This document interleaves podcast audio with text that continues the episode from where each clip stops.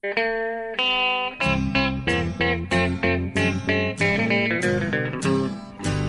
out there, we're on the air. It's hockey night tonight. Tension grows, the whistle blows, and the puck goes down the ice. The goalie jumps and the players bump, and the fans all go insane. Someone roars, Bobby scores at the good old hockey game. Oh, the good old hockey game is the best game you can name. The best game you can name is the good old hockey game. Hallå, hallå, hallå, hallå allihopa! Fantastiskt varmt välkomna till ännu ett avsnitt av NHL-podden. Och nu sitter jag på plats i SportSebastian på redaktionen i Aftonbladet i Stockholm. Eh, 51 vi nyss hemkommer. Lite jetlaggad. Men jag vet ju exakt var du sitter just nu. Vid skrivbordet antar jag. Med fin utsikt över Manhattan. Hur är läget Per Bjurman? Jag vet exakt var du sitter, antar jag. Alltså, du vet ja. var jag sitter. Jo, men jag sitter vid skrivbordet. Eh, jag sitter kvar här på, på Manhattan. I tomheten efter Youngblood och Tim. Det blir så, det blir så tomt och vemodigt här. Jag är ingen som, ingen som är lika entusiastisk och lyser lika mycket med ögonen inför NHL-äventyr. ja, ja. Jag har... Men du har kommit hem ordentligt. Det är ju skönt att veta i alla fall. Ja, det gick bra med flygresan och allt det där. Det var ju, jag hade ju lite stökig flighten när jag kom hem. Jag åkte på kvällen kan man säga, lokal tid. Och så kom jag ju hem eh, till Sverige någon gång på eh, förmiddagen, svensk tid. Så att, eh, och sen visste jag inte riktigt... Nu har jag varit vaken i en 24 timmar nästan och så visste jag inte riktigt om jag skulle, eh, jag skulle göra med sömn. Så då bestämde jag mig för att jag är vaken hela, hela, hela kvällen. Hela Aha, dagen. Hela, hela, Ja, det, det, var otroligt svårt. Jag hamnade i några så brutala svackor. Jag, jag lyssnade på, en, på någon podd eh, vet jag på dagen för att eh, hålla igång lite när jag var ute och, och gick och sprang lite. Eh, och jag har ingen aning om vad den handlade om. Jag vet inte ens vad jag lyssnade på. Liksom. Det var, jag var helt blank bara. Mm. Det, det, var så här, Men det gick bra i alla fall. Du, du var lite orolig för det, skulle, det talades ju om snöstorm här. Att du inte skulle komma hem. Men det var inga problem. Nej precis. Efter stormen Linus så, skulle, så kom ju stormen Mar Marcus. Ja. Eh, men den, den, den, påverkar inte mig i alla fall. Så jag, jag, jag är hemma och tillbaka. Och, eh, jag hoppades ju lite att du skulle bli kvar, inte skulle komma hem så vi hade sett Nashville Tampa ihop igår. Precis, antingen på plats eh, i, i korresoffan då, vilket ju hade varit magiskt. Eller om vi hade till och med, det var ju till och med lite snack om att oj då, vi kanske inte ens kom hem från Nashville när vi var där. Nej. Då hade vi varit kvar länge. Exakt. Då hade vi varit i Bridgestone Arena där. Och, och, och då hade det blivit så knäckt eftersom Nashville vann. På, visserligen kom Tampa tillbaka från eh, 0-2 underläge, men sen avgjorde ju James Neal ja. på övertid. Usch ja. Då hade, inte gått, då hade du gått raka vägen till Dry Martini-barerna och hällt i dig flera stycken. Ja, då hade, jag, då hade vi inte kunnat spela in podden då. Det hade varit helt omöjligt. Jag hade legat i någon eh, hörna där vid Legends Corner. Och Ja. Nej, men vi hade en trevlig resa. Vi, vi, jag, jag, jag har fått i uppgift, fått i uppgift att göra en tio-lista ungefär på vad, vad, vad, det, vad som var bäst. Ja. Och det är sportsligt och lite sådär eh, stökigt utanför kanske. Jag vet inte. ja, men, eh, men vi måste naturligtvis gå in på, för ganska nyligen innan vi spelade in där, faktiskt såg jag det på tåget in hit. Eh, det var ju då att Evander Kane, som, mm. som vi planerade att prata om då med tanke på hans otroligt stökiga vecka här. Det, förra gången vi spelade in där i torsdags förra veckan så det var ju precis då du kollade igenom Twitterflödet och vi, mitt i inspelningen eh, så, så var han scratchad och det kom fram de här uppgifterna. Eh, om eh, eh, varför han hade blivit scratchad. Det här med att eh, han, hade kommit till en träning eh, med, med träningsoverall istället för som lagkoden eller dress, dresscoden som finns där att man ska komma uppklädd i kostym och så här. Det har ju vi, vi, sett den här veckan att det är ju det. De är fantastiskt väldressade spelarna så länge de inte är på isen så att säga. och i omklädningsrummet. Men han kommer dit i träningsoverall och det eh, godtogs inte av lagkamraterna. De tyckte det var respektlöst. Alltså de, det blev lite droppen för eh, deras förtroende hos Kane. Så att eh, Dustin Bufflin han gjorde helt enkelt så att han tog de där träningskläderna sen och kastade in dem i duschen. Då, så att de blev dyngsura. Och det tog ju i sin tur inte Evander Kane väl emot så att han eh, stack hem eh, eh från, från, tränings, eller från Rogers Arena där i, i, Vancouver. Och sen dök han inte upp på matchen på kvällen utan han, hör, han gick inte att få tag i och sen så till, till slut någon timme före puck drop i, i matchen. Då sa han att nej, jag, jag, kommer absolut inte komma. Jag vill inte komma. Och eh, där och då förstod man väl att eh, hans dagar i Winnipeg var räknade. Ja, och sen kom uppgiften om att han var skadad då. Season ending injury och ska operera axeln. Precis, eh, lägligt nog så, så, så kom just de uppgifterna att han... Eh, nej, det blir 4-6 månaders vila för honom. Han ska köra en axeloperation och få ordning på den där axeln som ju de facto har stört honom den här säsongen. Så är det bara. Då trodde vi att det innebar att eh, han blir tradad först i sommaren. Att ingen vill eh, kosta på honom nu när han ändå inte kommer att spela med den här säsongen. Men där tog vi fel. Där tog vi helt fel alltså. Det, det var ju faktiskt en riktig blockbuster här som, som dök upp. En Ja. superblockbuster. Eh, eh, Han blir alltså tradad redan direkt nu. Eh, Han och det, och Bogosian går från Winnipeg till Buffalo. Ut, utbyte mot eh, din favorit Myers, ja.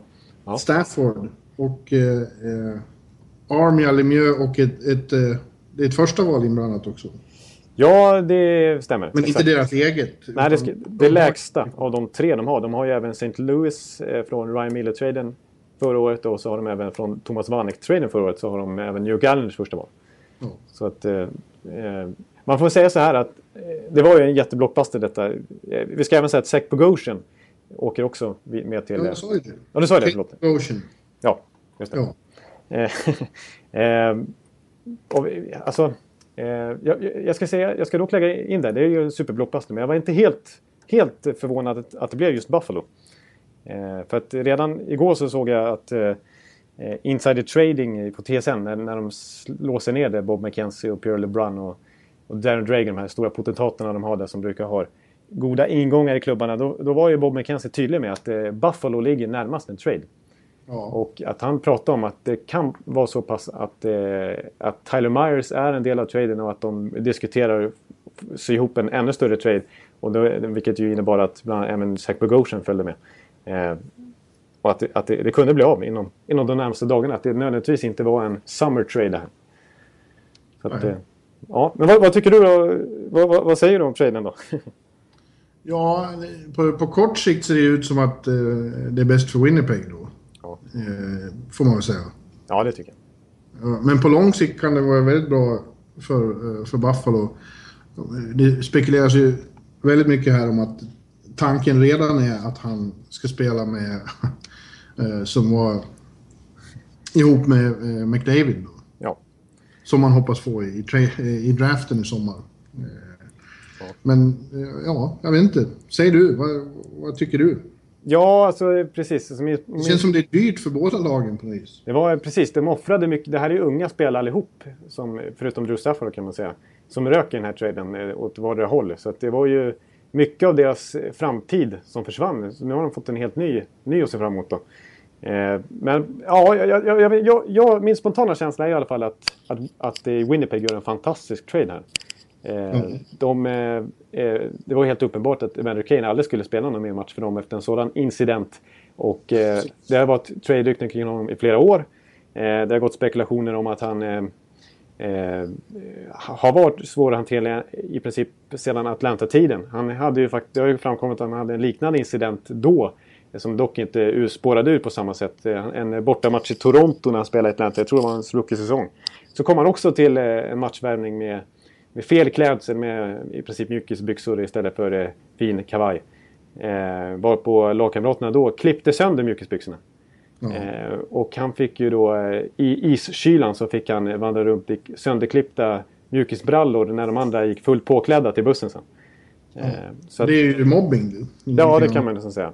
Och eh, det sägs då att eh, när man har skrivit på sitt... Jag är inte helt eh, informerad om, om detta men eh, Eh, att eh, om man skriver, när man skriver sitt andra NHL-kontrakt så behöver man inte bo tillsammans med någon på resor. Annars delar man ju alltid rum med någon. I alla fall till att börja med. Och eh, det är många spelare som väljer att göra det ändå hela sin karriär för att det är kul att ha någon annan att tugga med på kvällarna och sådär.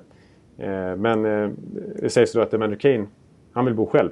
Han är inte så intresserad av att umgås med sina lagkamrater överhuvudtaget. Det har han inte varit sedan han kom in i NHL. Eh, utan det är en speciell karaktär som aldrig riktigt har smält in i den här proffshockeyn. Eh, och eh, det var helt uppenbart då att nu var, hade bägaren runnit över här. Och eh, han, han skulle lämna. Så jag tycker att, att de då lyckas få Tyler Meyer som ju...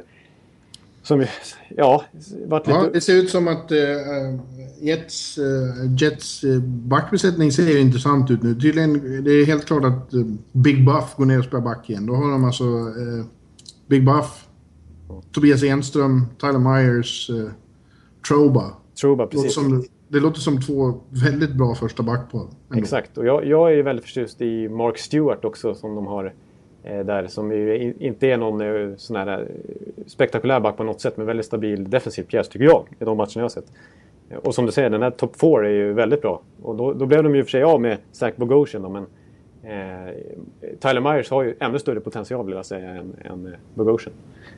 Eh, så att det är fantastiskt, fantastiskt bra gjort av Kevin Cheveldayoff. Och så får han ju även Drew Stafford som har varit iskall de senaste säsongerna i Buffalo men som ju är en kille som har väl gjort 30, 35, 40 mål i sin karriär tidigare säsonger. Så att eh, det, det, det, det och inte alltför lastgammal och unrestricted free agent nästa sommar så att han kan de ju lasta bort i så fall om det inte skulle bli lyckat. Men det är, ja, ja, ja, ja, och så fick de här um, prospectsen de fick, då var det nästan lite bättre värde på dem än vad jag trodde att de skulle kunna få av eh, Buffalo. Nu, nu, nu, nu, eh, kände jag att Buffalo var en bra tradingpartner just på grund av att de har så mycket de har senaste åren tradat till sig så enormt många draftval. Eh, han har alltså tre stycken eh, i den här första rundan nu. Och eh, de har en enormt stor prospect pool.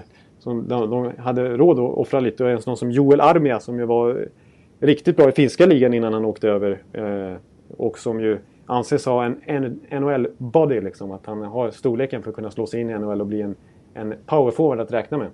Och du låter lite ivrig som, en, som du ser ut när du går in i, en, i ett omklädningsrum. Ja, ja precis. livade upp dig den här. Ja, det gjorde det. Jag, jag blev glad när jag såg det. Och den här Brendan Lemieux, jag ser på Twitter eh, att eh, Craig Button, alltså TSNs trade, eller trade tvärtom, eh, draft-expert, som jag nästan alltid kommenterar eh, draften och så vidare, eh, vilka spelare som man ska hålla koll på och så vidare. han har fått kommentera alla de här unga spelarna och han säger att Brendan Lemieux, som de också fick i den här traden, Eh, alltså till Winnipeg. Att han är is a lock to become a second line power forward. Inom en hyfsat snar framtid. Så det känns ju också som en eh, bra kille de, de, de plockar in. Mm. Eh. Som av en händelse så pratade jag faktiskt med Tobias Enström igår kväll när vi spelade in, eller i natt. Och Tobias eh, är ju inte så vanligt förekommande i media precis. Han är ingen eh, Lindström som man säger så. Det, eh, så det var väldigt roligt. Det var första gången den här säsongen jag pratade med honom och det passar ju bra just nu då. De, då hade de slagit Minnesota och han hade gjort mål.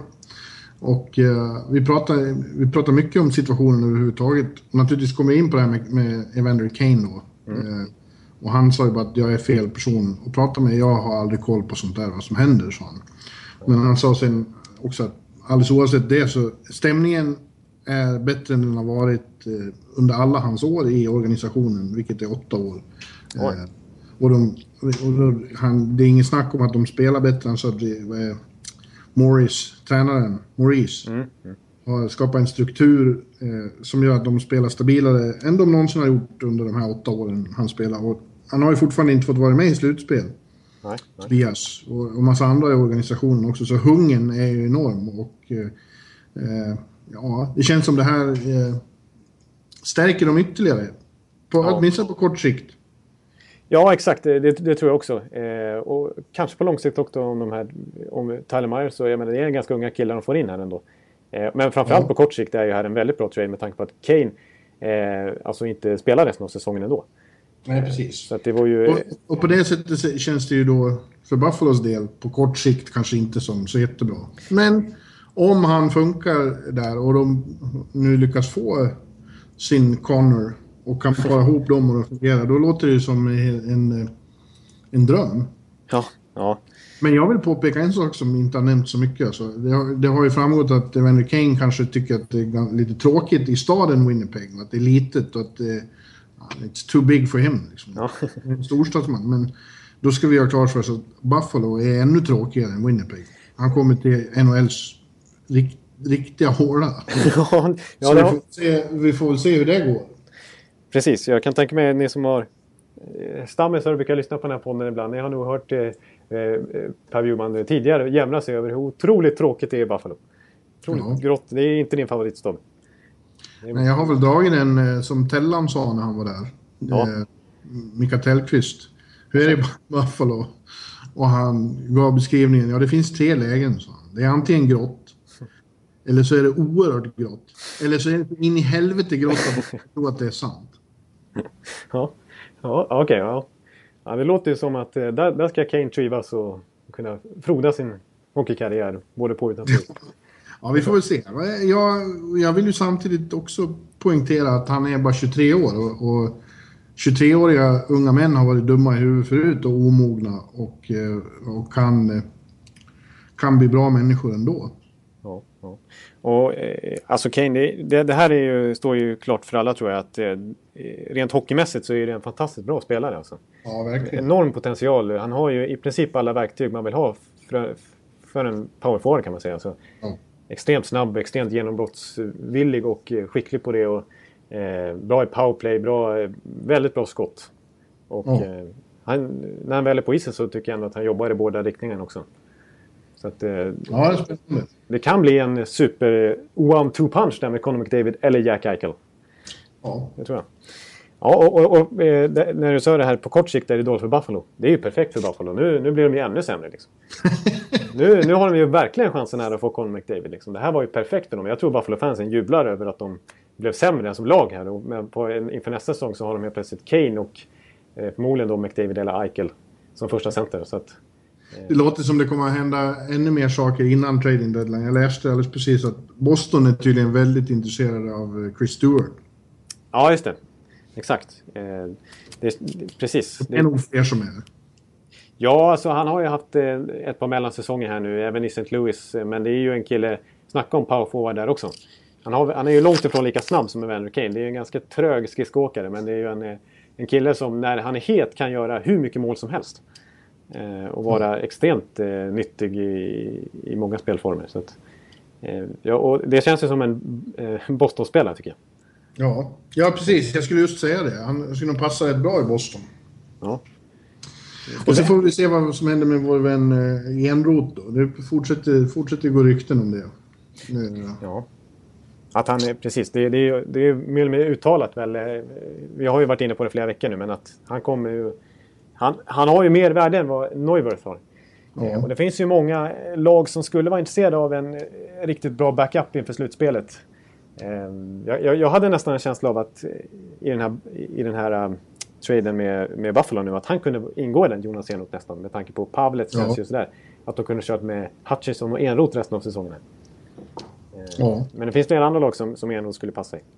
Eh, ja, det har ju till exempel pratats om, om uh, Rangers då, i och med att nu Henke blir borta ett bra tag. Han är uppsatt på uh, injured, long time, long term injury list. Ja, hur det, hur det gick till när han blev det, det kommer vi in på senare. För det kommer jag berätta om i min topp 10-lista.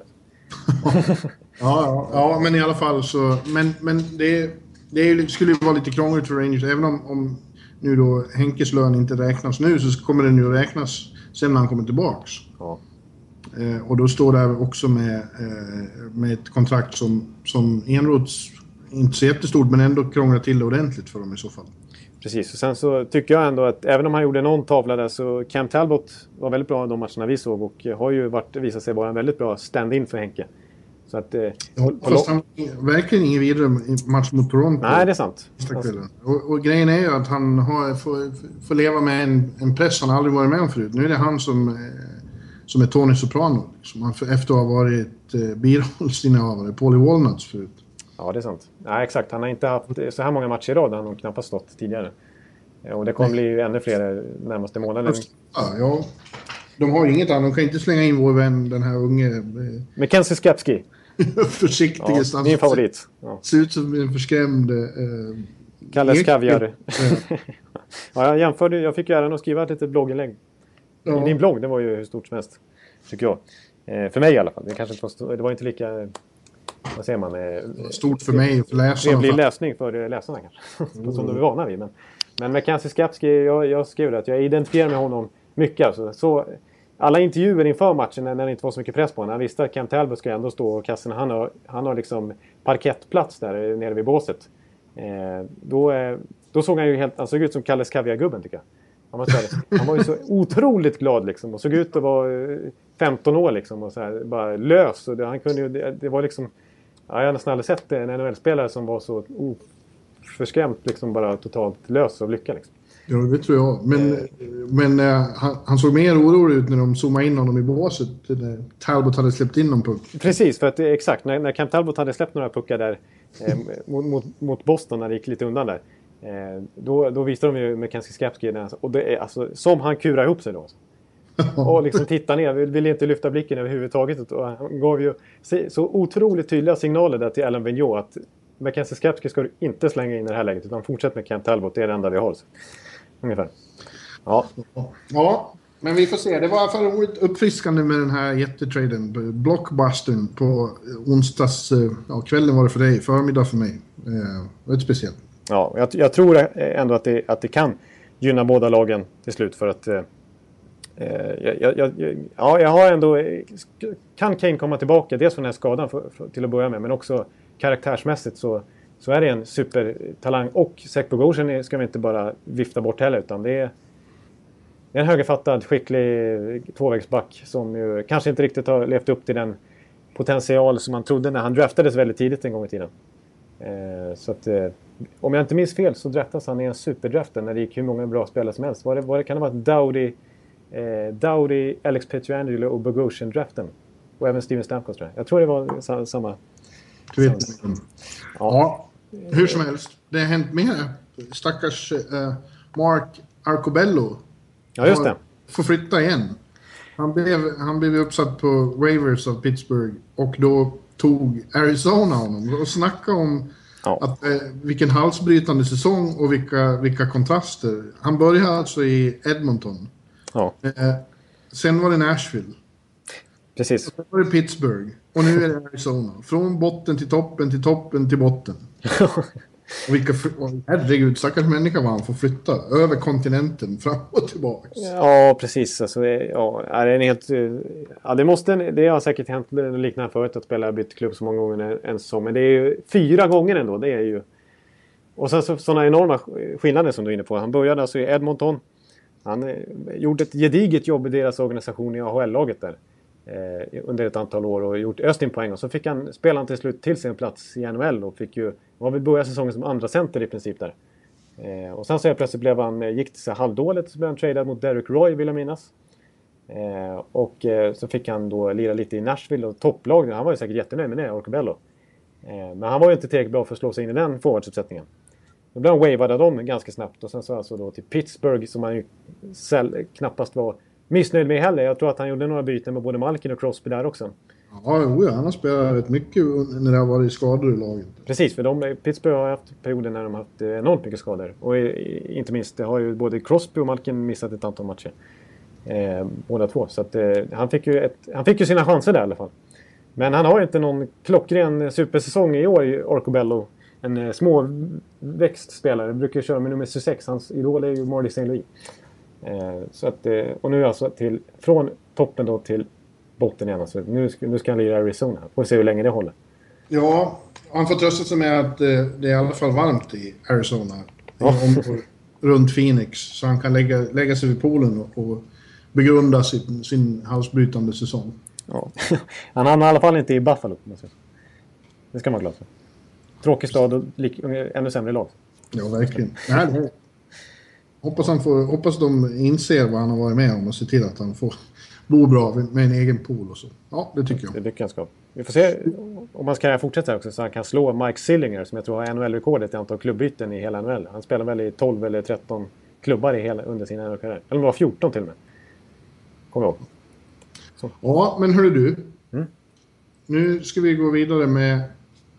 Vi har fått en ny eh, låt av eh, vår... Eh, vad ska vi kalla honom? Vår ciceron i musikvärlden, vår, vår producent, vår eh, George Martin. Vår, manager?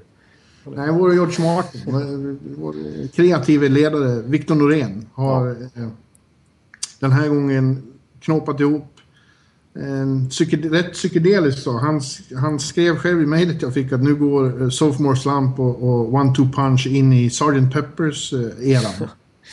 ja. Så att uh, vi tar och lyssnar. Jag tycker den är fantastisk. Ja, jag tycker också det. Det, här är en helt ny genre för, för både oss och kanske en del av er lyssnare sen. Eh, let's go! ja, let's go. Här kommer den.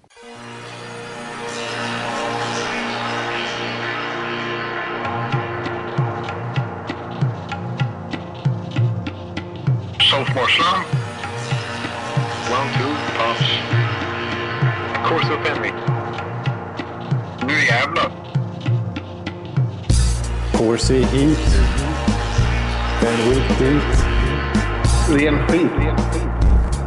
Det stämmer ju inte. Corsi hit. Ben Wick dit. Ren skit. Det stämmer ju inte. Statistik. Statistik. Ge oss mer balans. Du har hybris, eller hur? Ja, jag har hybris. Ja. Corsi hit. Ben Wick dit. Ren skit. Det stämmer ju inte. Corsi hit. Ben Wick dit. Ren skit. Det stämmer ju inte. Det är ju underbar skit, det är ju underbar skit, det är ju underbar skit, det är ju underbar skit, det är ju underbar skit, det är ju underbar skit, det är ju underbar skit. Ja, vad säger du om detta då, Bjurman? Du gillar det? Som sagt, jag gillar det väldigt mycket. Jag tycker att eh, Sophomore Slump tar för sig mer och mer i de här sammanhangen.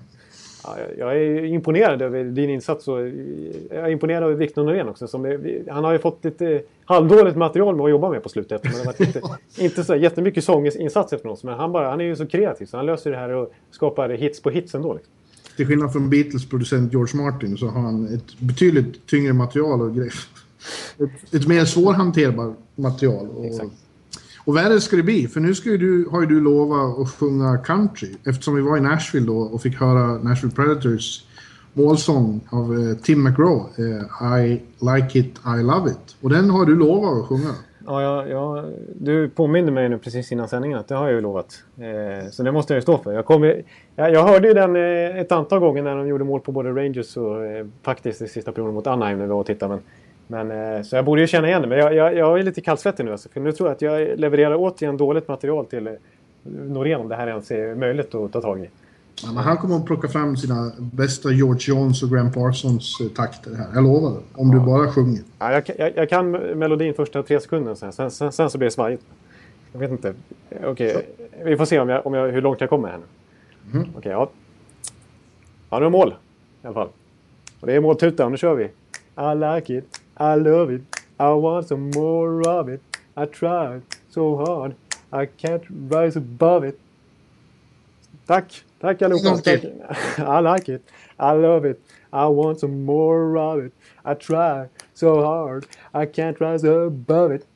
Jag- ja, Jo, men det var Sofie. Det, var, det hörs att du har varit i Nashville några dagar äntligen och fått, du, fått lite kultur i dig. Ja, jag, hade, jag, ja, jag är lite besviken på att jag inte drog till med ännu större Nashville-dialekt och södern-style. där, Men, ja, ja. Ja, jag, jag, jag tog mig igenom det. Ja, Jag vet inte om melodin var rätt eller inte. jo, det, var- det påminde i alla Kände igen vad det var för någonting. Ja, ja det är huvudsak. Ja. Ja, Men hörru du, som Ja. sagt, du var här en vecka. Jag tycker du ska ta din lista nu. ja, precis. Vi kom fram till här att jag skulle eh, ranka tio grejer. Alltså tio, tio, topp tio från eh, minnen, om man ska säga, från, eh, som har satt sig. Ja, Eh, jag slängde ihop den här innan, innan vi spelade in den, så jag har faktiskt inte rankat 1 till 10. Det kanske jag borde gjort. Men kör på det är mest 10 punkter jag skrivit upp. Här. Jag kommenterar. Du får kommentera. Ja, eh, ja, men den första jag skrev upp det var ganska självklart faktiskt. Eh, ni som har följt bloggen under veckan, ni vet ju att eh, jag gjorde bort mig brutalt i, i Nashville faktiskt. Efter den här Rangers-matchen då. Det var ju inte... Eh, ja, det var jobbigt. Jag råkade helt enkelt då kliva på Nashvilles logga mitt i omklädningsrummet och det är det absolut värsta man kan göra. Du, Ja. har- du hade ju alltså påmint mig flera gånger tidigare när vi varit inne där att du, får, du, du måste, måste hålla så långt borta från den här loggan som möjligt för att det är livsfarligt om du kliver där. Och sen så går jag helt tankspridd med blicken eh, i taket nästan, höll på att säga. Eller inte eh, fixerad i alla fall. Eh, och bara går över den. Varpå eh, jag, jag, Shea Webber och hela bunten börjar skrika och ha sig. Ja, de börjar hojta och vifta och du står vad är det? Vad är det? Ja precis, det, det tog ju några sekunder jag gick av också. För jag fattade ingenting. Jag tänkte, vad gör jag fel? Är jag för ung för att gå in här? Eller vad är grejen? Men, och sen så fattade jag, nu kliver jag. Det är inte sant liksom. Så, ja. Ja. Du såg eh, något blek ut om nosen då. ja precis, jag, jag kände nu, jag, jag borde ju gå härifrån. Jag är inte värd att vara här inne liksom. Så jag visste inte. Och jag drog mig undan. Ja, ja precis. Du var, du, du var ju rutinerad. Du, du, du kände inte till mig riktigt där. Men, eh, Men, du får trösta dig med att det händer rätt ofta att folk glömmer bort det där. Och, och när, de inte, när de inte eh, lägger över något eller, eller eh, vad heter det? Skidor. I Chicago till exempel så, så, sätter de band runt så man inte ja, kliver. Ja. Och i New York lägger de över en matta. Så att, ja, men det är, det är en big no-no att trampa på klubbmärket. Det är fullständigt. Till, till, till mitt försvar, det här kanske inte är något försvar direkt, men eh, vi har ju sett eh, att Justin Bieber klev... Han lyckades ju ändå kliva på den där Chicago-loggan när han var ja. där i något besök och det var inte populärt. Eh, Nej, men ja. Ni har ju rätt eh, betydande likheter du och Justin. Jag tycker ja. du är NHL-poddens Justin Bieber. Eh, jag vill påstå att jag har eh, st större musikalisk eh, talang. Nej, ja, Du ska Samma... sams med den unga publiken. Sålt lika många skivor och så. Ja. ja, just det. Ja, ja, men vi går vidare. Eh, ja, då har jag skrivit upp den här faktiskt. Eh, ja, det här var en eh, stökig kväll. Alltså, eh, sanningen är att jag gick och la... Det här var fredag kväll och vi hade ju tänkt att vi skulle gå ut och köra hela, hela natten och verkligen ta, ta del av Nashvilles eh, musikliv och nattliv. Eh, och det slutade med att jag låg fullständigt däckad och förstörd och eh, supertrött klockan tio på kvällen. Efter att ha ätit en, en rejäl amerikansk biff och smuttat på lite dry martini. Ja, det var ju patetiskt alltså. Fullständigt pinsamt. Då var, då var du en rookie i natten. Men man ska börja någonstans, Jonathan. Om ja. tio år är det du som tar ut någon... Eller om 15. Är det du som tar ut någon youngster? Ja, Visa hur det ska gå till. Ja, i alla fall. Men det, det var ju, vi åt ju på The Palm som ju du hävdade, det låg ju fantastiskt fint till. Det ju, låg ju mitt där i downtown och ett stenkast från arenan och så här. Och det, du sa ju där att eh, det är inte sällan som spelarna går ut och käkar där. Nej, precis. Eh, så det var ju, kändes det som ett, och det var ju fantastiskt god mat. Vi, du bjöd ju till och med. Du bjöd ju till och med. Jag hade tänkt nästan att jag skulle göra det. Som, det är ju, ingår ju i rookie-livet i NHL, att det är rook, rookiesarna som bjuder. Veteranerna inte så fina ställen som Pan. Det, fick jag, det kändes som att jag skulle ta hand om nu. Ja, jag fick ju, den där hummersoppan var ju, var ju något extra vill jag ändå säga. Och sen så naturligtvis den här enorma New York-strippen som, som serverades. Den var ju fantastiskt god. Men det, alltså, det var ju då det, det tog stopp alltså. För jag, det var knockout. Det var knockout. För den var det största jag käkat eh, i köttväg. Jag lovar det. det jag lovar alltså. det, det, den var större än vad ni tror. Den var än dig. Ja, den var i princip det. Och sen så eh, en crème brûlée till och med efteråt. Som också var dynamit. Och sen så lite, lite öl och lite allt möjligt. Och sen så framförallt den här dry martinin ovanpå. Så att, eh, sen, så, sen så var det inte mycket mer kvar av den här unga kroppen här, faktiskt. Sen var det godnatt. Sen var det godnatt helt enkelt. Fick Baloo gå ut själv. Ja, precis. Du hade en fin kväll vad jag förstår. Du, du var ju på konsert och grejer med, med, med The Beat Writers. Ja, jag träffade på New York Beat Writersarna. Och, var ute med dem istället. De har varit med för. Ja, de var inte lika. Exakt, jag fick ju till och med höra det. Det där hade ju tydligen eh, läckt ut då för beatwriters nästa, nästa dag. Så jag fick ju lite pikade. Men eh, ja, det, det, det, mm. så det, det, var ju, det kommer jag inte glömma bort i alla fall. Nej. hade jag följt med er så tror jag att jag hade glömt bort allting. Faktiskt. Det var så, så illa. Jag så särskilt mycket från den här resan överhuvudtaget. Nej. Eh, ja, det, det, här var, nu kunde jag inte plocka ut något specifikt. Jag tog bara överlag snacket med, med alla spelare. Så.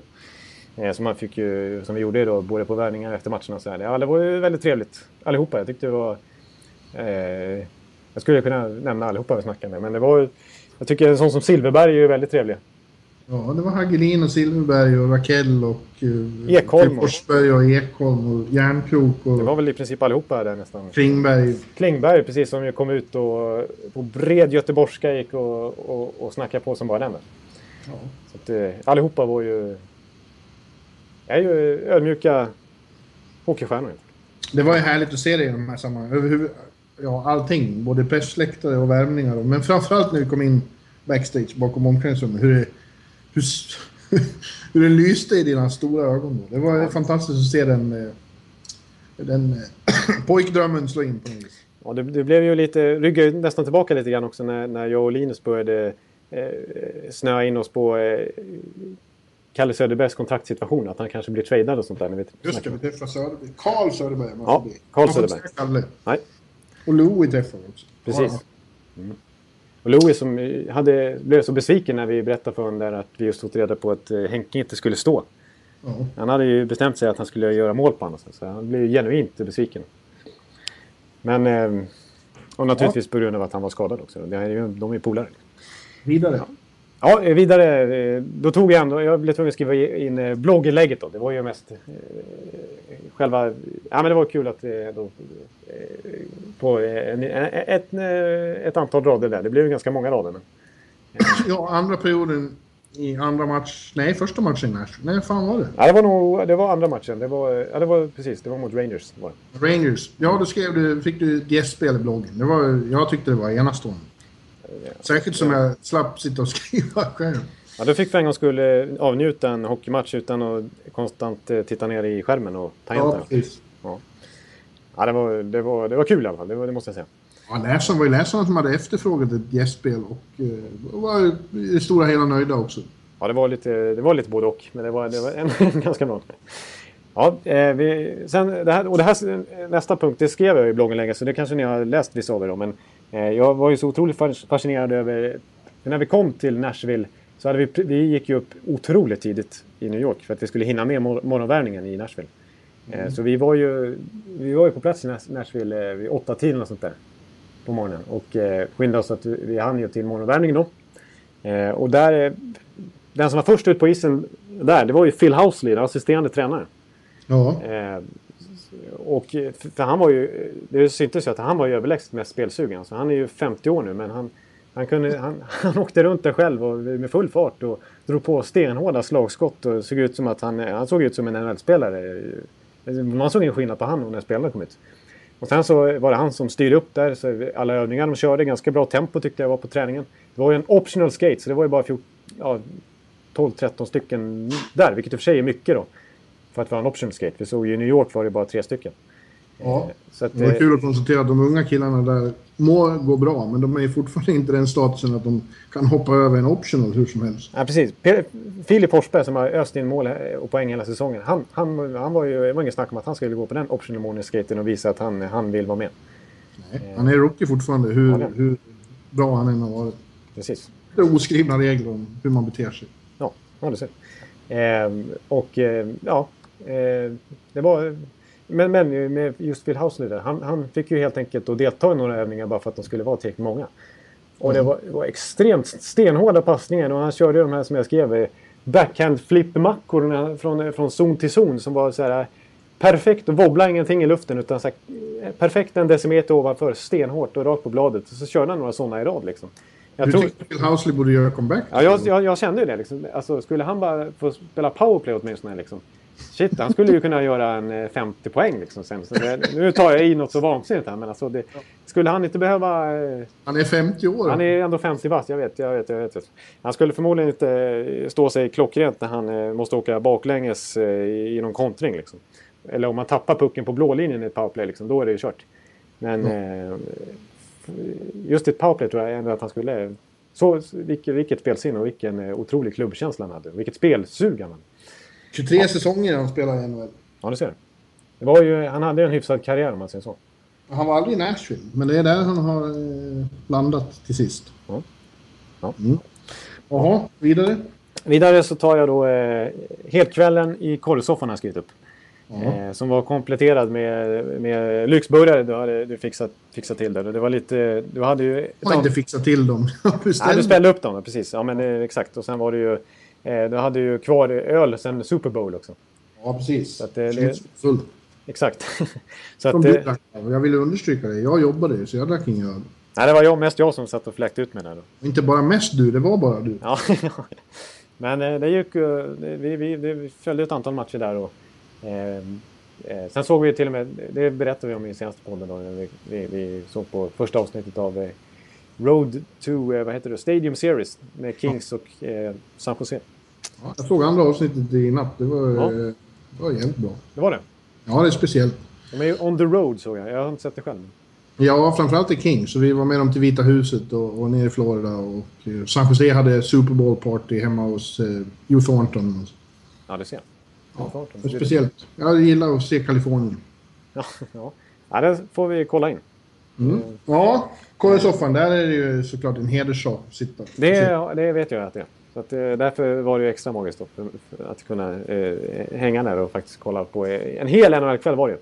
Ja. Eh, jag var ju ganska trött också då, för då hade jag just eh, landat en dag. Det var lite liknande jetlag då. Men det var skönt att bara kunna slå sig ner där till ro och, och bli serverad. Du kom ju där med allt möjligt där. Med, jag kunde stoppa i mig. Ja. Hey, I'm Ryan Reynolds. Recently, I asked Mint Mobile's legal team if big wireless companies are allowed to raise prices due to inflation. They said yes. And then when I asked if raising prices technically violates those onerous two-year contracts, they said, "What the f*** are you talking about? You insane Hollywood ass." So to recap, we're cutting the price of Mint Unlimited from $30 a month to just $15 a month. Give it a try at mintmobile.com slash switch. $45 upfront for three months plus taxes and fees. Promo rate for new customers for limited time. Unlimited more than 40 gigabytes per month. Slows. Full terms at mintmobile.com. Eh, ja, sen så har jag skrivit det också. Jag fick ju snacka ganska mycket Tampa oväntat nog i New York också med, med lite... Jag, jag köpte en skjorta på en, en eh, butik där och då visade sig att en, ja, någon, någon som jobbar där klev fram till mig och bara vad ska du ha den här till och bla bla bla. Vad, vad gör du här och liksom så här snackade jag i NHL och så här. Så, så helt plötsligt så frågade han, ja, då började jag prata Tampa och då visade det sig att han han hade ju full koll på... Han ville prata Tampa med mig så att han tog mig åt sidan där. Så stod vi och snackade i kanske fem minuter och sen så helt plötsligt hade han lurat på mig någon skjorta som jag köpte. Och, sen, det här har inte jag hört. Nej, det här kanske du inte har hört. Nej, precis. nej, det var, det, det, jag blev ju... Det inte jag med. Nej.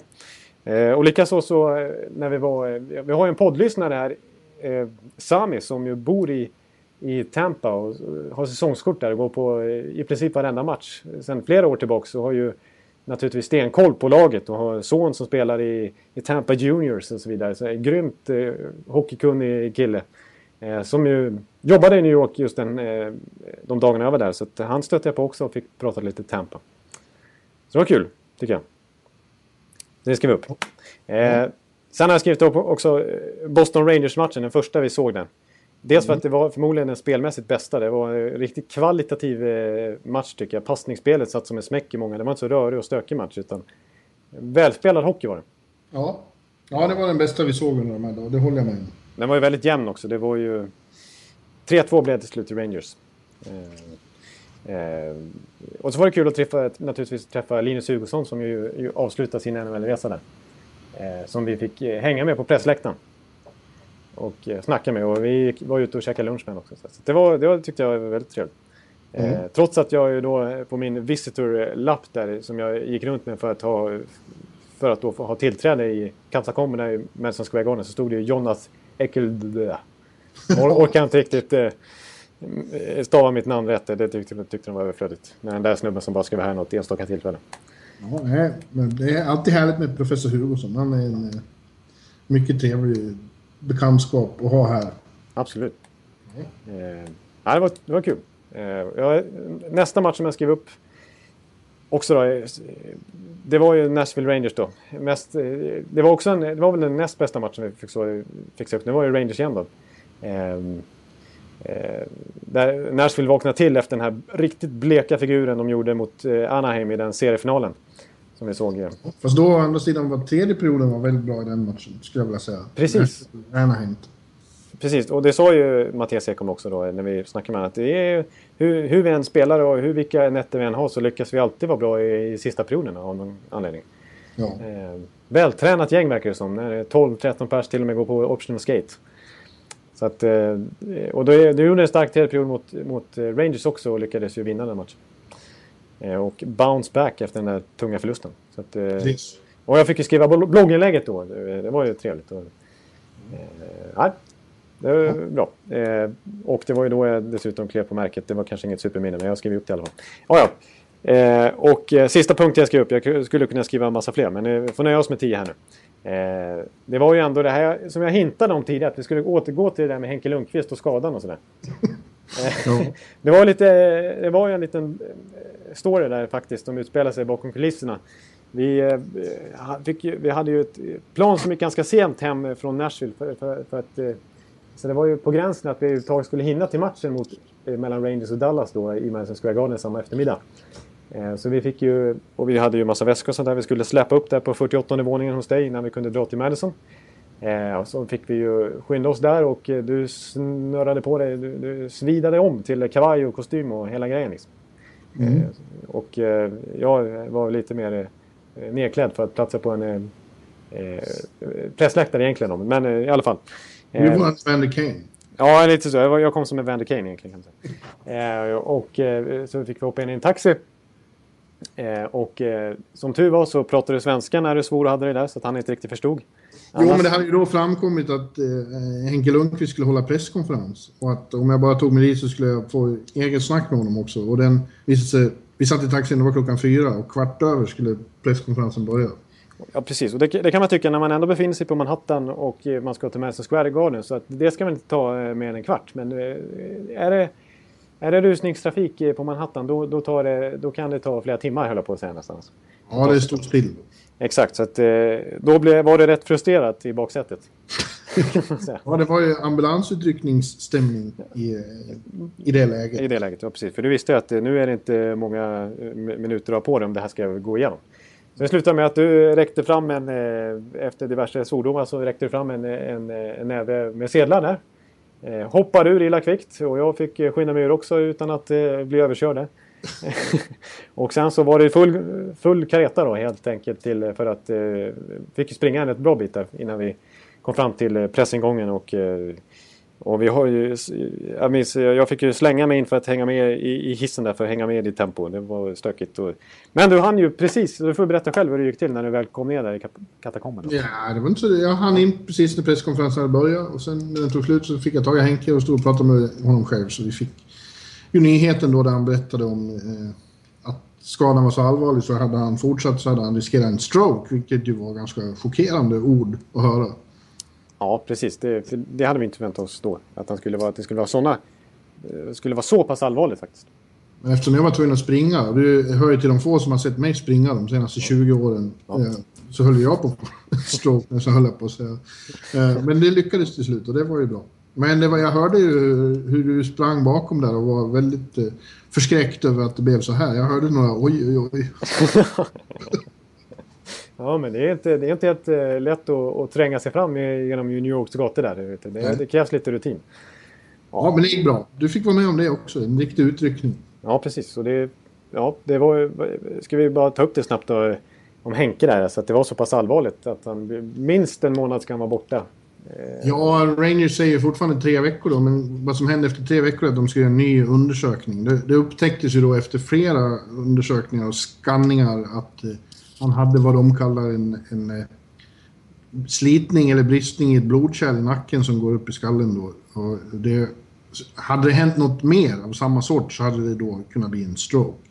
Nu ska han... Eh, det, den ska läka har de lovat och det kommer inte att vara någon risken kommer inte att kvarstå, har de försäkrat. Men han vill ju såklart ha, vara hundra på att han är helt återställd innan han spelar. Så jag tror att det dröjer åtminstone en månad, förmodligen lite till.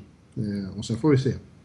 Ja, precis. Jag, jag tycker väl så här, eh, vår, vår, spontana reaktion då, i alla fall eh, min, det, det var ju så här, hur, kan de, hur kunde de låta honom spela mot Florida i matchen efter det där hände? Ja, men grejen var att då hade han ju inga känningar av det här. Och, eh, de hade undersökt honom och inte hittat det här Eh, och han ville spela själv. Det var först efter den matchen han, han började må dåligt och hade en jobbig natt han inte kunde sova på grund av dundrande huvudvärk och så. Ja, precis. Vi, man kan ju tycka att det, alla risker borde vara eh, undanröjda innan man låter dem spela igen. Så kommer det säkert vara i framtiden med den här typen av otroligt oturliga skador. Ja, ja. Jag, jag tyckte då, för att eh, du var ju uppe och snackade lite med, med, med Larry Brooks på pressläktaren under själva matchen mot Dallas där. Eh, han som kom fram till oss? Eller? Han kom fram till, till, till oss, till, till dig ska jag säga rätt sagt. Eh, och eh, eh vi förväntar oss att nu, Larry Brooks som ju inte drar sig för att, för att skrä, alltså liksom kritisera folk hit och dit när han eh, tycker och tänker. Eh, så vi, vi förväntar oss nästan att nu, nu, kommer, nu kommer han leverera en saftig sågning här i New York Post imorgon. Liksom. Mm. mot läkarna och det här beslutet. Men han gav ju en ganska nyanserad bild tyckte han då när han tänkte ja. här liksom att visst... Ja, det har varit en så. Det är, lätt för oss att sitta som inte är läkare och, och tycka saker. Precis, och i och med att Lundqvist ändå kände sig i speldugligt skick efteråt och, och eh, den typen av liksom, eh, att det var så pass allvarligt att det inte syntes på några liksom, de, den typen av undersökningar de gjorde då. Utan det var ju först efter grundliga, rejäla undersökningar. Eh, de tog ju verkligen på allvar efter den matchen i alla fall. När, när Lundqvist sa att han inte mådde bra. De, som Lundqvist sa, de hade anlitat eh, experter från hela landet för att försöka, försöka hitta felet och varför han mådde som han gjorde. Så att, eh, jag tycker på ett sätt kan man... Det, det, det är lätt att bara skylla på läkarna men det, som situationen var just då så var det kanske svårt att upptäcka eh, det här felet då. Nu är det bara att hoppas att det blir bra och att det går fort och att han blir helt återställd. Ja, precis. Det hoppas jag verkligen. Verkligen. Mm. Ja. Eh, vi, vi, ska väl hinna med och, och diskutera eh, lite annat också aktuellt vi har i, i NHL-hockeyn just nu. Ja, vi diskuterade Winnipeg där. Det har vi klarat av tycker jag med, med, i samband med traden. Precis, de har sju poäng ner faktiskt i Minnesota. Vi, vi tänkte prata lite Minnesota ju. Eh, för Minnesota, Jets ligger ovanför slutbestrecket där och nedanför, nedanför sig som är närmast jagande är ju Minnesota. Eh, Vancouver ligger på 61 poäng, har väl sista slutspelsplatsen. Eh, tre poäng tror jag de ligger före Winnipeg när vi spelar in det här på onsdag kväll. Eh, ja. Men, men eh, anledningen till att vi tänkte prata om Minnesota det var ju för att eh, de har ju, vi har ju suttit och sågat dem så länge under säsongen nu. Eh, inte minst när Geo fick sitt eh, totala utbrott där och de hade förlorade hur många matcher i rad som helst. Och de släppte in eh, mål som... Eh, de, hade, de hade ju knappt någonting i målet överhuvudtaget. Alltså, min favorit Darcy Kemper var ju iskall och Niklas Bäckström var ju ännu sämre. De hade skador och allt vad det var. Mm. Eh, men nu har de plötsligt vunnit om det är 5-6 raka matcher. De vann sju raka. Sju raka var det, mm. Tills de stötte på Winnipeg den gångna natten. Och eh, åkte, eh, förlorade på övertid. Ja. Eh, det säger något att, om hur krasslig deras säsong har varit. Att de vinner sju raka fortfarande inte är på slutspelsplats. De är precis bakom då, två poäng bakom Vancouver. Men med en match mer spelad också. Så det är inget självklart bara för att de har haft en sån... Nej, precis. Det. En sån fin svit. Exakt. Jag, jag, tror att det var det som... Det är många lag som... Jag, hopp, jag, jag har en känsla av att... Eller hoppas höll jag på att säga, men... Eh, ja, jag hoppas på något sätt ändå att Minnesota kan hålla i det här lite grann så att de kan, så att de kan vara med i racet hela vägen. För jag tycker eh, just det faktum att lag som har vunnit mycket, mycket matcher i rad och, och försöker liksom kommit in i en bra trend. De har, när det börjar tappa lite igen så har de, haft, har de tappat helt. Då, för att ja. i, i det här tvåpoängssystemet så, så, så, så, så tjänar man inte så mycket som man tror att man kan, borde göra.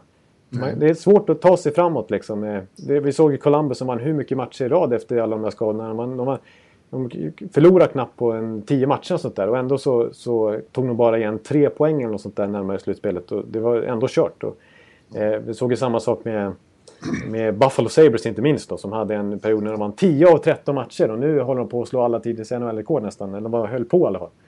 Mm. Eh, och är ju rock bottom. De är liksom långt ifrån. Samma sak lite med Toronto nu som ju var ett slutspelslag eh, eh, fram till december när de vann hur mycket matcher som helst. Och sen när de väl kom in i en svacka då, och det började droppa iväg, då, då var det helt kört.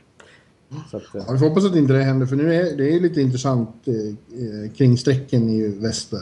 Eh, ja. Calgary, San Jose indragna, Vancouver indragna, Minnesota, Los Angeles, Dallas och i viss mån Colorado kommer ångande bakifrån. Fast Colorado har nu tre raka förluster och, och har hamnat lite på efterkälken. Ja, Colorado har faktiskt inte övertygat den här säsongen eh, under eh, längre perioder. Och även när de har vunnit, så, som vi har varit inne på, så har de nödvändigtvis inte dominerat matcherna. Så jag har svårt att se att det här är en säsong Colorado går till slutspel. Utan det här är ett me riktigt mellanår för dem. Ja, det händer ju att man får en... Eh, en, sop, en sophomore-slump är det. Slump. Ja. För det här nya unga laget. Men Minnesota då. Det känns som... Man har fått dem att spela... Det, det, det är väldigt krävande att spela som de behöver spela. Man behöver vara så otroligt fokuserad varenda spelare i varje byte. Det finns, det finns ingen... Eh, vad heter det? Prutmån för någonting. Nej. det måste vara stenhårt jobb varenda byte, varenda match. Eh, när man ska spela så tight som de gör. Och måste ja. göra för att vinna. Och intensivt. Precis, tight och intensivt. Det här eh, enorma jobbet man måste lägga ner i alla lagdelar för att ja. sätta det systemet som Mike Joe vill skapa. Ja, och det har han lyckats med. Men precis som du säger, vi får se vad som händer när det blir lite... Alltså de tog ju ändå poäng mot, mot Winnipeg. Mm. Eh, vi får se. Det, intressant fortsättningen av deras säsong tycker jag. Det känns som att man, man behöver rejält med självförtroende och eh, mer studs för att man ska orka med och, och fylla på energi hela tiden. Eh, till mm. att orka med det spelet. Men det har de verkligen fått i form av Devin Dubnyk nu då. Eh, så, och det, det, var väl i podd 46 eller 47 någon gång som du helt plötsligt sa att kolla här, nu har det blivit en trade när vi spelar in. Nu har, nu har Dubnyk blivit tradad mot ett tredje val från Arizona. Där. Ja, och det trodde vi inte alls på. Nej, jag, jag dömde ut. Jag sa ju usch, jag. Ja, som du brukar säga när ja. du blir missnöjd. Ja, det är närmast ett kraftuttryck Jonathan Ekelind kommer. Det är, oftast usch. Ja. Ja, men jag sa usch för jag tänkte nej. Devin Dubnik som ju gjorde en Mark Orcobello förra säsongen. var runt överallt ungefär. Eh, ungefär samma lag också. Mm. Edmonton och Nashville bland annat. Eh, och som hans NHL-karriär såg ut att eh, helt eh, han var helt av slut. Det, den slutade förra säsongen med att han var fjärde målvakt i Montreal Canadiens. Eh, och sen så då blev han signad av, av Sean Burke nästan kan man säga till Arizona. För att Sean Burke, eh, deras målvaktstränare, gillar ju att arbeta med välväxta målkeeprar alltså. Eh, sådana som är upp mot två meter långa som ju Dubnik är. Eh, och eh, helt plötsligt så fick ju Dubnik en enorm tändning där. Han, han var ju, konkurrerade ut Mike Smith Mm. Vilket ju kanske inte var så svårt då, med tanke på hur otroligt eh, svag säsong han har. Eh, och hade ju fina siffror där i, i Arizona. Gjorde alltså att eh, de kunde vinna några matcher till och med. Med han mellan stolparna. Och, eh, eh så det var ju lite förvånande på något sätt att Arizona helt plötsligt valde att träda bort honom. Det var ju lite av en snabb Sean Burke-favorit. Mm. och, och, att, och att Minnesota övertygade så snabbt om att eh, Dubner kanske kan vara något att satsa på. Eh, så han kom ju till Minnesota och så har han varit helt fantastisk sen dess. Han har alltså, när vi spelade in där så har han åtta vinster, en förlust och en övertidsförlust, den som kom här, här natten. Eh, han har över 94 procent i räddningen. Han har 1,53 insläppta mål per match. Otroligt bra. Det är ändå 10 matcher han har spelat nu. Fyra noll, hållna nollor. Men nu spelar han också ett lag som, eh, när de spelar som de ska, just det vi var inne på, så har de ett eh, extremt eh, tajt försvar, tätt försvar. Minnesota. Mm. Och det hade han nog inte framför sig de matcher han spelade med Arizona. Nej, verkligen inte. Nej, verkligen inte. Eh, trots att han, Arizona, jag tror ändå att Dave Tippett är lite liknande i stilen. Som Mike kanske lite lugnare naturligtvis då, men eh, också där, han, han, är ju egentligen en defensiv coach, men senaste åren har ju Arizona varit väldigt flängiga. Mm. Eh, och släppt in mycket, mycket mål. Eh, men eh, ja, jag, jag, tror samtidigt, jag, jag, jag, tror faktiskt, för jag, har ju alltid hävdat, och jag sa ju till och med innan säsongen, att jag, jag hade Minnesota som en outsider att kliva fram och kanske till och med vinna Stanley Cup den här säsongen. Det är jag inte så stolt över att ha sagt. Men eh, på pappret tycker jag att de har ett väldigt bra lag. Eh, och, men jag tror samtidigt, av egen erfarenhet som Tampa Bay-fan, när man haft usla keeprar i flera år i rad fram till Bishop nu, alltså Eh, eh, alltså när man har släppt in väldigt mycket, mycket lätta mål. Alltså det, eh, det, det, det sänker lagmoralen något enormt. Och det blir ju, särskilt om man spelar på det viset som Minnesota gör med det energifulla spelet. När man inte får någonting för det utan istället, trots det hårda jobbet, så, så, så kan nästan vad som helst slinka in på en. För ett, ett tag var det verkligen så att eh, Bäckström till exempel inte kunde rädda en badboll. Liksom. Eh, utan det var ju som det, det, och det, det, det sänker dem hela tiden man verkligen inte får någonting med sig. Och man vet att det, det sitter i bakskallen. Ett, eh, ja, det, det, är svårt att, att, att spela ett tajt försvarsspel när man vet att även det kanske inte räcker för att, ska, att man ska vinna matchen. Så att, eh, jag, jag du, tror... måste jag, jag måste avbryta med en, en liten nyhet på Twitter. Ja. Mitt under sändningarna. Det händer den här tiden på året. Ja, det är, det är obligatoriskt. Ungefär som Victor Noréns sång Ja, det är Bob McKenzie som menar att Carolina definitivt har Andrei Sekera on the market. Ah, ja. mm. Carolina trying to, tried to sign him, but he was looking for Mark Stall money. Så pass alltså? Han vill ha 5 miljoner i klassen då? 5, 5, mellan 5,5 och 6. Oj. Uh, ja, men du vet vilken eh, brist det är på, på lediga backar i NHL. Ja. Det, det kommer inte alls omöjligt att någon kommer att, att ge honom det. Nej, i sommar är det nog faktiskt inte omöjligt. Enda, enda nackdelen för André Sekera när man läst på forum och av experter så är Eh, och som jag kan tänka själv till exempel i Tampa Bay som är ute efter backar, men många andra lag som Detroit också. Det, det, är, en, det, är ju, alltså det kan vara minst en miljon till om man är högerfattad. Det är väldigt många lag som vill ha just högerfattade backar. Det är den sista pusselbiten som saknas. Och eh, Sekir är ju vänsterfattad. Eh, Okej, okay, men still. Still, ja precis. Eh, så att, eh, men, men visst, det är ju en, det är ju en kille. Det enda han saknar är väl lite fysisk grit liksom och lite stöken framför mål. Annars är ju Sekera en komplett tvåvägsback och framförallt offensivt skicklig och väldigt användbar i powerplay och gjorde väldigt mycket poäng framförallt förra säsongen. Och var ju faktiskt skicklig i Buffalo på den tiden också. Han har, också, han har blivit lite av en obligatoriskt inslag senaste eh, poddarna också. Att vi, vi vet ju att Anders Sekera är en, en kille som kommer bli tradad med största sannolikhet. Men nu har det ju bekräftat här. Till och med som, som Bob McKenzie säger att han är eh, on the market. Mm. Ja. Vi, vi, jag tror att det kanske inte blir mycket mer eh, trade-snack just i det här avsnittet. Jag tror vi kommer komma in på det ju närmare eh, deadline kommer. Vi, med, med största sannolikhet kommer vi göra det. Har en sån här hänt före trading deadline, då kommer de att hända... Eh, det mesta kommer förmodligen att hända innan vi sitter där den där måndagen. Det är mycket troligt. Det, det har varit så några, några eh, år nu tycker jag. Det har varit ganska stora trader. Vi såg ju förra året till exempel eh, Ryan Miller var hände för trade deadline, även Luongo. Ja. Till exempel. Så att, eh, ja, ja.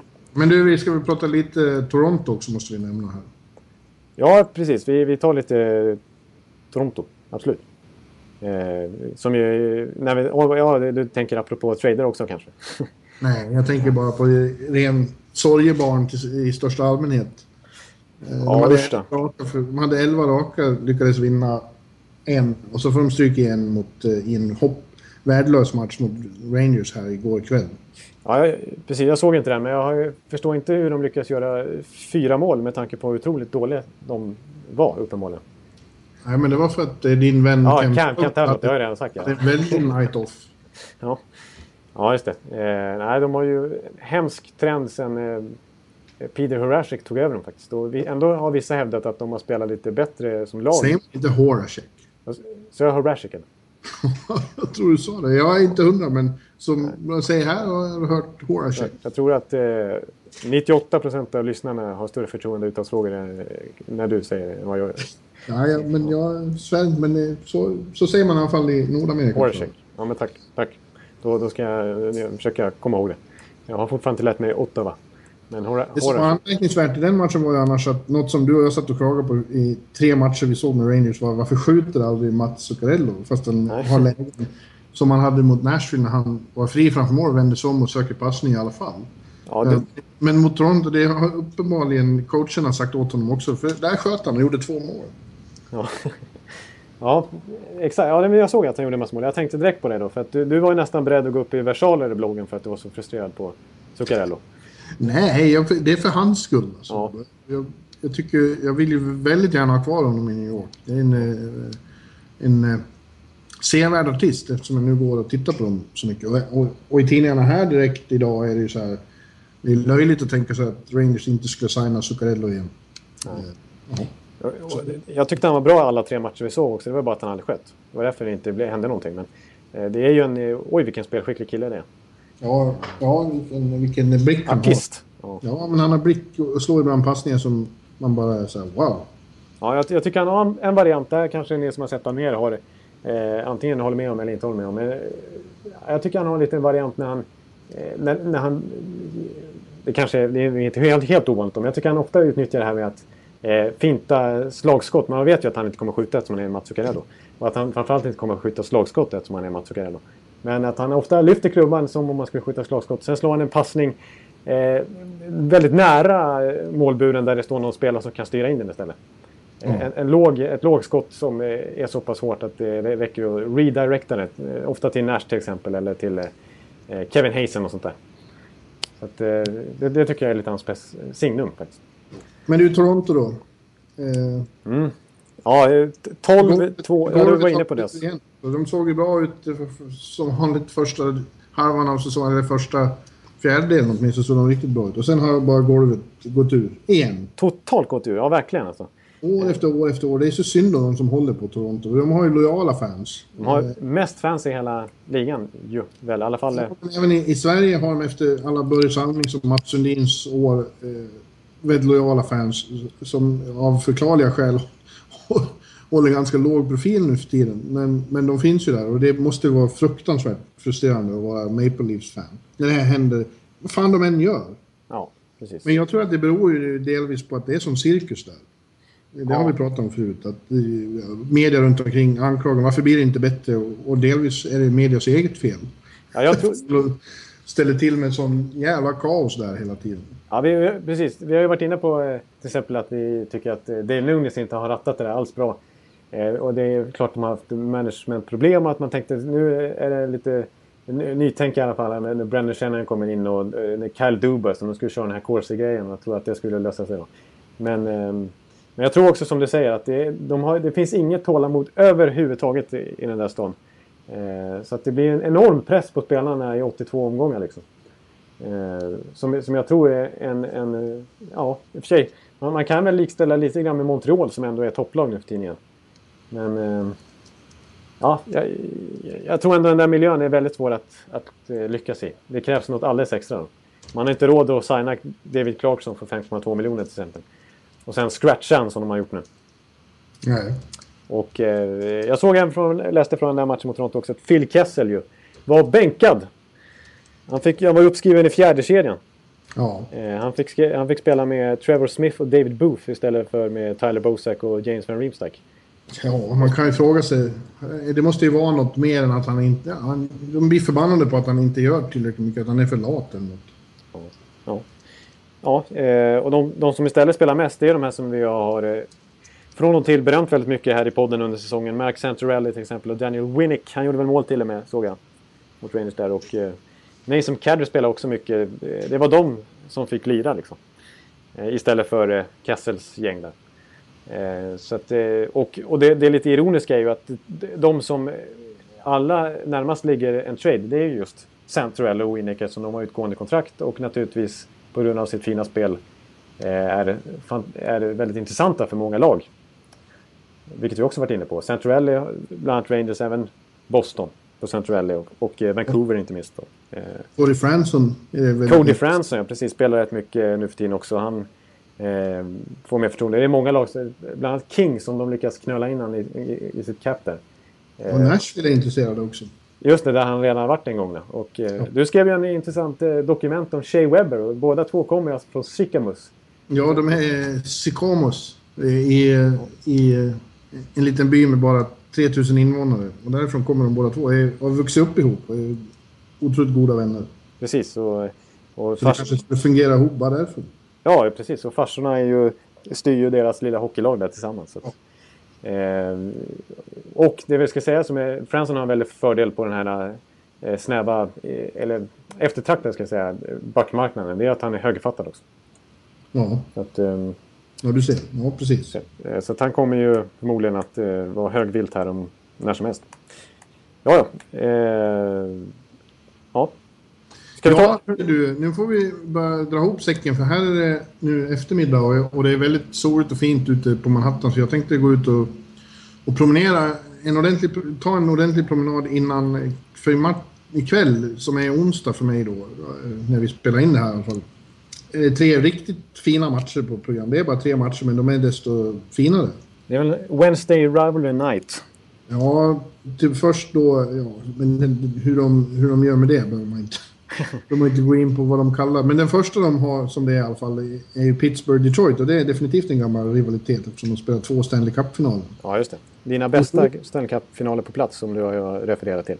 Ja, det har klingat av lite eftersom så stora delar av lagen väl har bytts ut sen dess. Men, men the core är ju lika hos... Eh, Zetterberg och Crosby var ju siamestvillingar under de där finalerna. Ja, just det. Så det är alltid kul att se. Sen har vi Chicago och Vancouver. Ja. Eh, och eh, det är också, de, eh, det har väl också delvis klingat av lite, men de hade en jävla rivalitet. Ja, just det. Final, ja, precis. De möttes ju i den berömda första rundan för några år sedan. Ja, och sen var det väl... Vart det ända, nej, det var inte konferensfinal. Men de, ja. stötte, de stötte ihop några gånger i slutspelet. Det var otroligt eh, mycket ont blod som kokade ja, i den... I de Serinarna fick höra ett och annat från Dave Boland till exempel. Ja, och eh, Boorish, som vi pratade om. eh, och, och, slutligen då, och nu kallar ju NBC lyckas kalla det en del av sin rivalry night också då, San Jose mot Washington. Den, den rivaliteten får de gärna förklara om de vill. Eh, men det är i alla fall två intressanta lag som går upp i den sena kvällen. Så det ska bli roliga matcher att titta på. Ja, det, det, det ser jag definitivt fram emot. Ja. Ska du vara uppe och titta först? Ja, jag, vi får se. Alltså, jag, har, jag har ju lite mer sömn att ta igen. Men vi, det är möjligt. Eh, jag går ju på och börjar jobba som vanligt imorgon. Men, men vi, det är möjligt att jag håller mig uppe ändå. För det är så pass bra NHL-natt. Ja. Eh, men i, i, nu, nu, kan jag säga så här. Till, till, vissa lyssnare som har fått nog nu. Ni kan få ta lugnt. Eh, stäng, knäppa av. Men jag skulle ändå bara vilja eh, dra en liten... Någorlunda snabbt. Det kanske tar lite, no, några minuter ändå. Bara för jag, jag hade ju förberett några, några liknande exempel som Evander Kane. Som vi har sett eh, under eh, de senaste NHL-decennierna. Bara ta, jag kan ta tre exempel i alla fall. Ja, gör det så går jag och hämtar kaffe. Okej. På. Då pratar jag på så får ni höra lyssnare. Ja, men det var ju så att Evander Kane, eh, jag uttryckte mig lite svepande förra, förra veckan och sa att jaha, det här händer ju nästan aldrig att, att spelare eh, närmast strejkar bort sig på det här viset. Men det var ju lite väl överdrivet sagt. För kollar man eh, historiskt sett så är det ju, händer det ju lite titt som tätt att, eh, att eh, vi har sett liknande fall. Eh, inte minst under off-season har vi eh, så sent som eh, ja, nu under 2000-talet flera exempel som Danny Hitley med Ottawa till exempel och eh, eh, Pavel Bure med Vancouver. Vi hade ju Ila Kowalczyk-soppan där med New Jersey. Det var i och för sig ingen trade men eh, och så vidare. Eh, men om vi ser mitt under säsongen så finns det ju många exempel. Den bästa måste väl ändå vara kanske Patrick Roy. Eh, när han lämnade Montreal ju, efter alla, all framgång han hade där. En ökänd match mitt i säsongen mot Detroit. Eh, förlust 11-1. och Roy blev aldrig utbytt. Han fick stå hela tiden. Släppte till slut in nio mål innan han blev utbytt och blev ju fullständigt Ja, så fort han gjorde en räddning i, fram till att han blev utbytt så blev man ju hyll, liksom, hånfullt hyllad av hela, eh, såväl hemma som borta publik. Eh, och när han väl då fick kliva av, eh, när det stod 9-1 eller 9-0 eller vad det stod. Eh, så eh, gick han dels fram och halvt knuffade till eh, tränaren Mario Trambley som han ju hade en hemsk relation med. Mario Trambley som var ny för den säsongen. Och eh, han, även presidenten som satt eh, långt ner på läktaren så att eh, han var enkel att skrika till för Roa. Han eh, eh sa han ju, eh, innan han till slut försvann ut eh, i omklädningsrummet Roa, så sa han ju till, skrek han ju till honom att jag kommer aldrig mer spela för Montreal Canadiens. Jag, jag har blivit humiliated här. Jag, jag, vill, jag vill inte ha med Tremblay att göra längre. Så att två veckor senare, han blev avstängd av, av presidenten av Montreal efter denna förlustmatch och denna attack. Och eh, några dagar senare så blev han då helt plötsligt tradad då till Colorado. En, en trade som Colorado skulle visa sig tokvinna eftersom de ju vann Stanley Cup samma säsong senare med Patrick Roy storspelande mellan, kassan, mellan stolparna. Och sen så vann ju Patrick Roy ännu fler Stanley Cup sen med, med Colorado och hade en fantastisk karriär där. Vilket ju ni minns såklart. Ehm, och så ska jag ta ett annat exempel också. Daryl Sittler som ju var ikon i Toronto Maple Leafs tillsammans med Börje Salming på 70-talet. Kapten till och med. Eh, han lackar ju så totalt. Eh, är, du, är, du, är du med Bjurman förresten? Nej. Nej, jag vet inte vad jag pratar om. Ja, men ni, ni lyssnar i alla fall. Det, det var så pass allvarligt att... Eh, ja, nej, ja, nej, prata på. Jag, jag, jag, tar upp, jag snackar om Daryl Sittler. Jo, jag hör det. Ja. Men fan, jag... du, vill, du, vill stäng, du vill stänga igen nu locket nu och dra ut på stan? Ja. ja. Jag tar Daryl Sittler bara. För det var så speciell story det här när han Eh, blev så sur på management. Jag tror de hade, jag vet inte exakt boxstory, men jag tror han, han, det var någon polare i laget som de, han tyckte att de hade behandlat illa. Eh, så att inför eh, klubbledningen då så eh, liksom, ryckte han loss sitt C på, eh, på tröjan. Så pass. Eh, och sen slängde iväg den. Som en så kraftig protest mot klubbledningen. Eh, var på den ökände ägaren de hade i Toronto då. Harold Ballard som ju inte som ju anklagades och beskylldes. Han var ju ägare där i 30-talet år tills han dog. Och eh, han beskylls ju mycket för Torontos förfall i princip eh, spelmässigt. Eh, ja. Och eh, han jämförde ju eh, Daryl Sittles aktion med att det var lika fult som att bränna den kanadensiska flaggan offentligt. Eh, men sen eh, på sommaren efter säsongen så, så sades det att de hade kommit överens och de höll en presskonferens. De satt bredvid varandra och sa att we're good, we're buddies. We're, vi älskar varandra liksom. Det här är inga konstigheter. Det här har vi lagt bakom oss och vi kör på igen nu. Men eh, det dröjde inte många veckor in på den här säsongen innan det var stort eh, ramaskri igen och, och Daryl Sittler var fullständigt vansinnig. Och eh, det var, gick så pass långt att han sjukskrev kan man säga. Kan man säga. Han, fick, eh, han var hos en läkare som som eh, lät honom ta ett uppehåll från hockey för att eh, han var helt enkelt, han led av hockeydepression. Han mådde så dåligt av att spela i Toronto så att han kunde knappt gå upp, gå upp ur sängen. Han ville inte vara där. Eh, och eh, till slut, efter många om och men, efter enormt många trade requests från Darryl Sittler, så lyckades han strejka sig bort från Toronto och hamnade i Philadelphia. Eh, faktiskt. Och där spelade han på som vanligt igen efter, efter den här traden. Han var dock inte lika framgångsrik då. Han var ju lite äldre. Det här är inne på 80-talet, 1982. Han hade passerat sin prime så att han hade inte lika stora glansdagar i Philadelphia. Men det var ändå en speciell situation. Att sjukskriva sig från, från hockeydepression och slita bort sitt C på tröjan. Du kanske ska göra den här podcasten ensam i fortsättningen. Nej, nej det ska jag inte. Det ska jag absolut inte göra. Du, kan, du kan hålla låda så det är helt otroligt. Då. Ja, ja. Det, jag hoppas att eh, vi har några lyssnare kvar eh, så här eh, dryga timmen in på avsnittet. Men, men vi hörs nästa vecka. Då har vi... Det gör vi inte alls. Först så ska vi berätta att Brian Campbell eh, och Valtteri Fil- Filppula förmodligen är de som är bäst med nummer 51 på tröjan Bra. nu för tiden. Ah, den hade du inte räknat med. hade jag inte räknat med att du skulle Frans säga. Nielsen måste närmas också. Ja, du, precis. För du har ju en kille där som brukar höra av sig på din blogg. En, en, skön snubbe som, eh, som jag älskar, Frans Nielsen. Ja. Han blev fullständigt rosenrasande efter att du hade struntat i honom i den här listan förra veckan. Ja.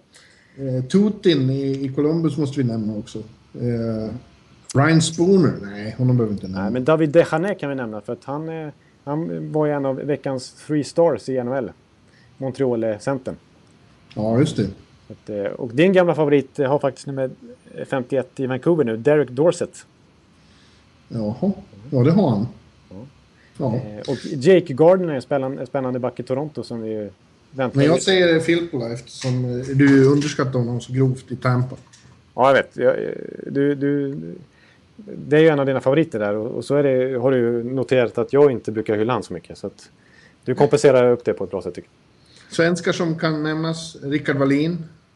Eh, hade det i Toronto ett år. Alltså, mm. Ja. Eh, Mikael Lindholm hade det i Los Angeles Kings. Ja, Elias Lindholms farsa. Mm.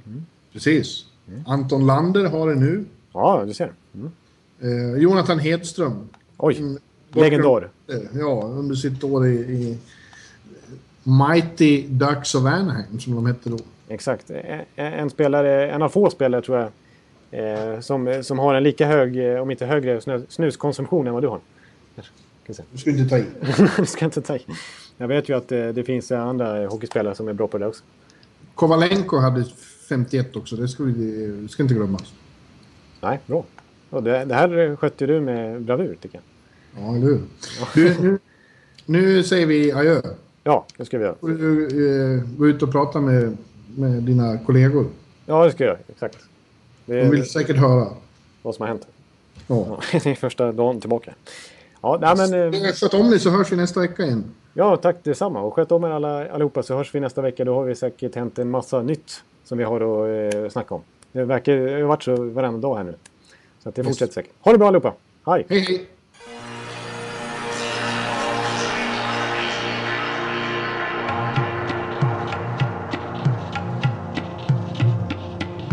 Sophomore slump. One, two, toss. Course upp Henry. Nu jävlar. Corsi hit. Ben Wilt dit. Ren skit. Det stämmer ju inte. Corsi hit. Ben Wilt dit. Ren skit. Det stämmer ju inte. Statistik. Statistik. Ge oss mer balans. Du har hybris, eller hur? Ja, jag har hybris. Corsi hit. Ben Wilt dit. Ren skit. Det stämmer ju inte. Corsi hit. Ben Wilt dit. Ren skit. Det stämmer ju inte.